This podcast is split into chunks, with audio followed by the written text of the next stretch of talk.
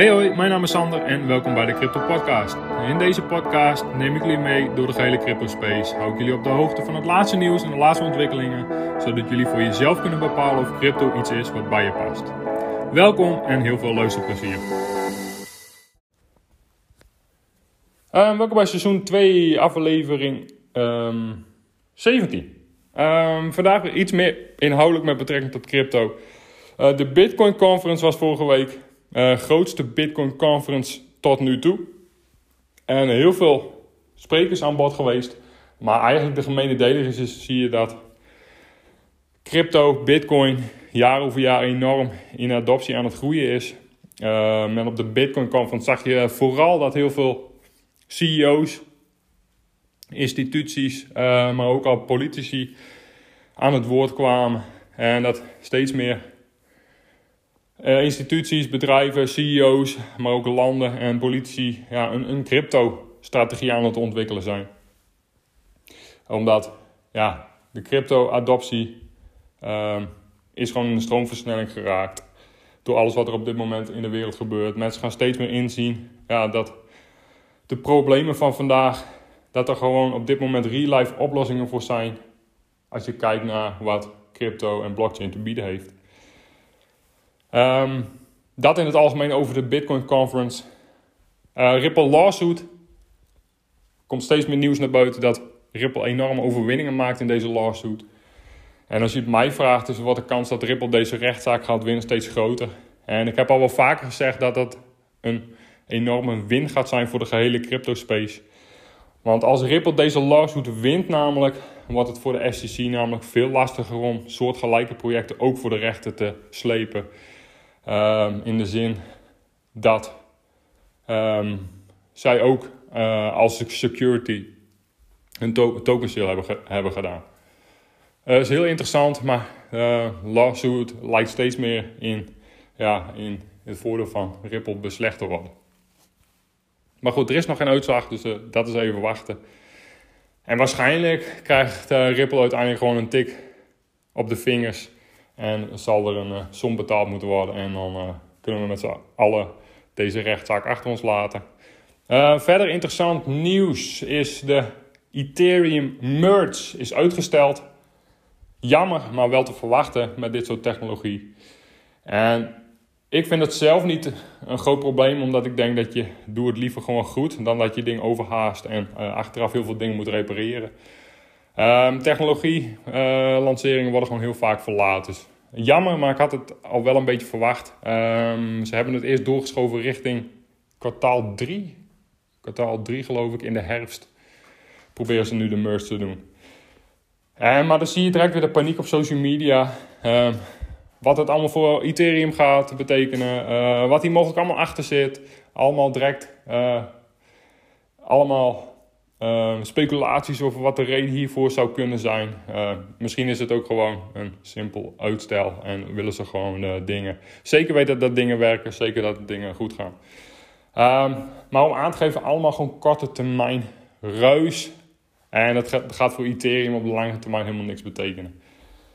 Ethereum moet gewoon één ding goed doen om ja, een concurrentiepositie vast te houden. En dat, dat is deze merge gewoon succesvol lanceren. En dan, ja, dan zijn ze echt enorme stappen aan het nemen wat betrek, met betrekking tot waar zij als project naartoe gaan.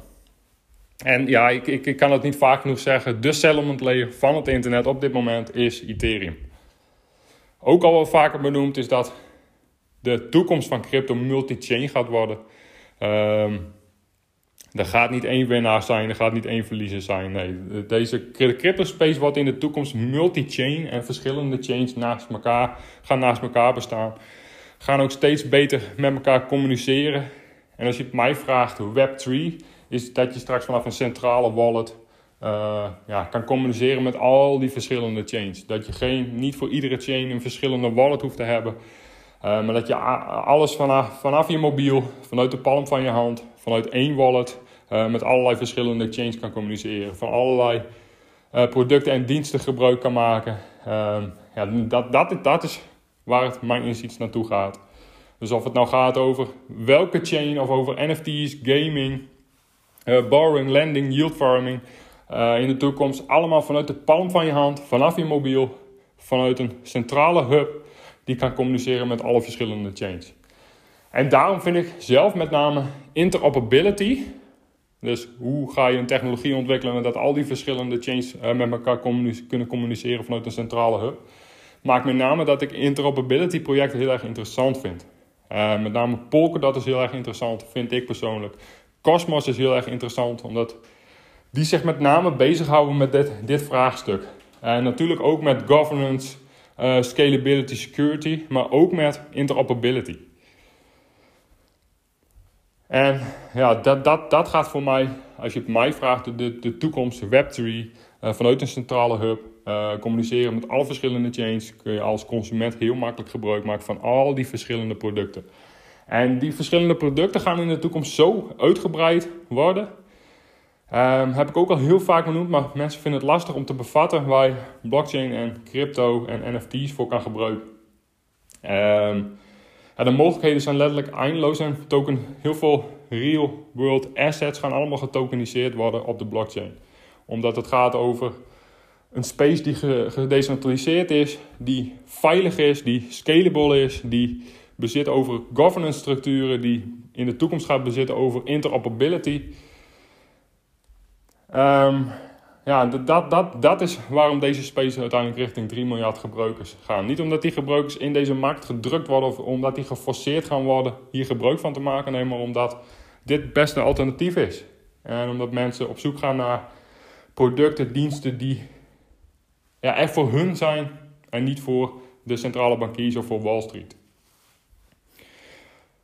Uh, dus er gebeurt op het moment veel, dat zal ik niet ontkennen. En de, de markt is op het moment ook wel wat, ja, echt wel volatiel. En macro-economisch en natuurlijk geopolitiek gebeurt er natuurlijk van alles. Wat zeker op de korte tot middellange termijn echt wel voor volatiliteit kan zorgen. Um, maar eigenlijk is dat, dat, de, dat de key.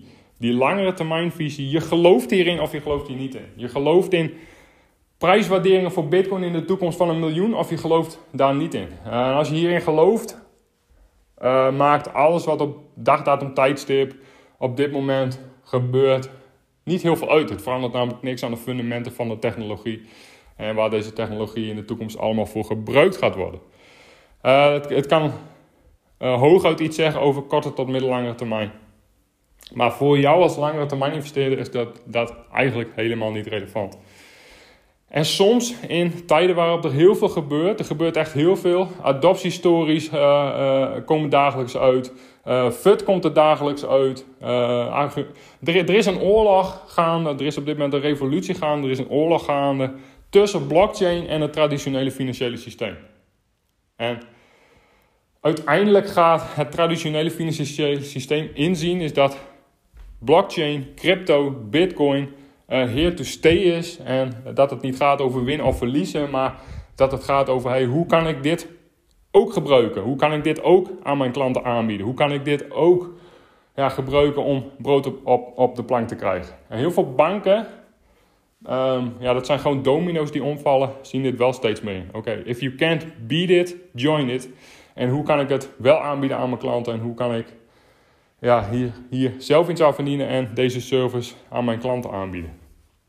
En dat is wat er gaande is. Er is natuurlijk heel veel gaande over de regulatie.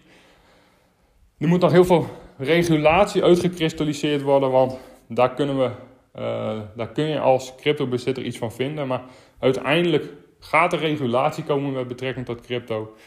En uh, ja, die moet uitgekristalliseerd worden. Wat werkt wel, wat werkt niet? Wat is gezonde regulatie? Wat is Um, wat is regulatie die deze technologie stagneert en deze technologie niet vooruit helpt? En dat is op dit moment heel erg gaande, die, die revolutie.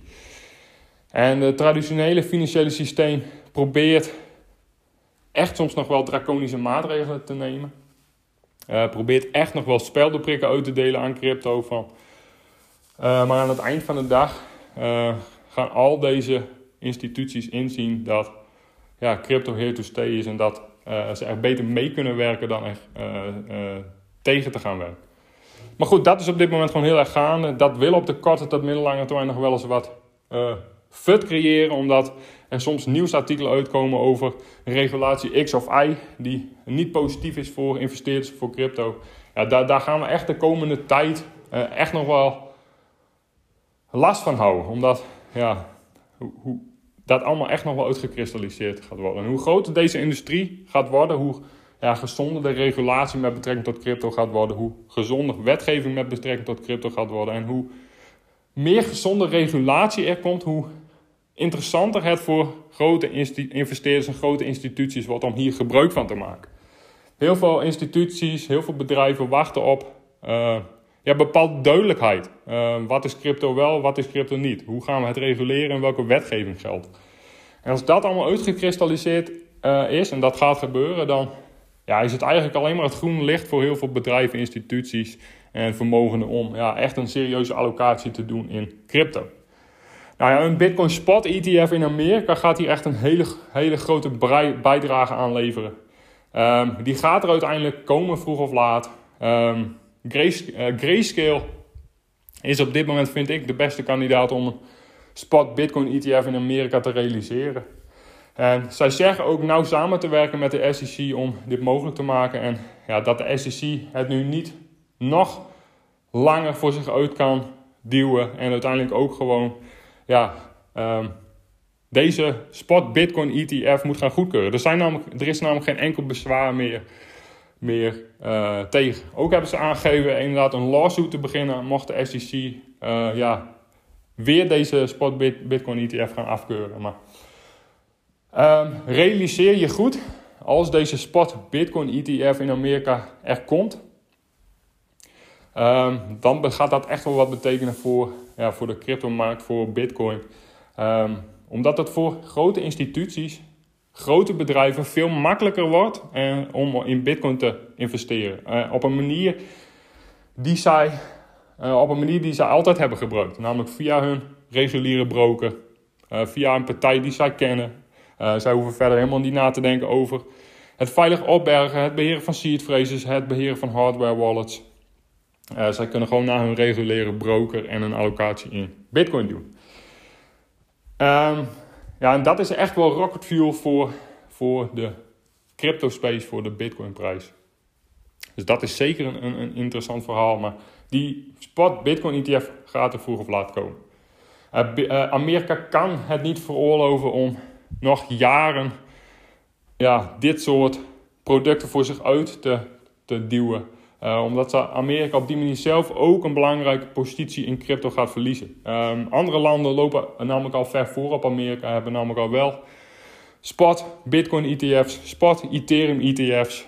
Ehm, ja, vroeg of laat ja, moet Amerika ook gaan zeggen: oké, um, we gaan dit omarmen en we gaan hier gewoon goede, gezonde regulatie voor, uh, voor creëren. Nogmaals, er gebeurt veel. Um, volatiliteit op de korte tot middellangere termijn um, ja, is absoluut niet uit te sluiten. Dus wees ook gewoon voorzichtig met nu uh, grote bedragen investeren. Ga op dit moment gewoon niet all in. Is, gewoon, is altijd niet verstandig, maar dit is zeker niet de tijd om te zeggen: oké, ik, ik verkoop alles wat ik heb en ik stop het allemaal in crypto en ik ga all in. Um, korte tot middellangere termijn zeker nog wel volatiliteit verwacht. Zeker nog wel onzekerheid te wachten op bepaald, komt er bepaald nieuws naar buiten, kan de markt echt nog wel wat verder dippen. En aan de andere, kant kunnen we ook zo met een bepaalde aankondiging weer enorm stijgen. Um, maar goed, maakt voor de langere termijn niks uit. Ehm, DCA, heb geduld. Um, negeer de FUD. Heb een langere termijn visie. En dan, dat, dat is gewoon, dan hoef je niet al die schaakstukjes die verplaatst worden. Uh, er gebeurt op het moment zoveel, hoef je die niet op de voet te volgen. Uh, vind je dat interessant, dan is het natuurlijk altijd interessant om uh, het een en ander te volgen, het, over het een of ander iets te lezen. Maar ehm, ja, wat ik zeg, er gebeurt gewoon heel erg veel. En vind je het lastig om daar ja, iets wijs uit te worden of investeringsbeslissingen op te maken? Dollar cost average is altijd een goede tactiek. Uh, nooit al ingaan is altijd een goede tactiek. Een langere termijnplan hebben is altijd een goede tactiek. En dan maakt het eigenlijk niet uit wat er op de korte tot middellange termijn gebeurt. Dan, dan ehm, dat is altijd een manier die je kan gebruiken om, om ja, je investeringsportfolio in crypto te laten groeien of bepaalde allocaties te doen in bepaalde projecten. Zonder dat je heel erg gefocust moet zijn op wat er op dit moment allemaal tot een punt komma gebeurt. Um, dat voor deze aflevering. Um, vond je dit een leuke aflevering? Laat, laat even een reviewtje achter of deel dit met mensen waarvan jij denkt dat die hier iets aan zouden kunnen hebben. En dan uh, bedankt voor het luisteren en tot de volgende keer. Dat was het weer voor vandaag. Heel erg bedankt voor het luisteren. Heb je vragen of suggesties? Stel ze op mijn Instagram. Sander onderstreepje in een workout. En tot de volgende keer.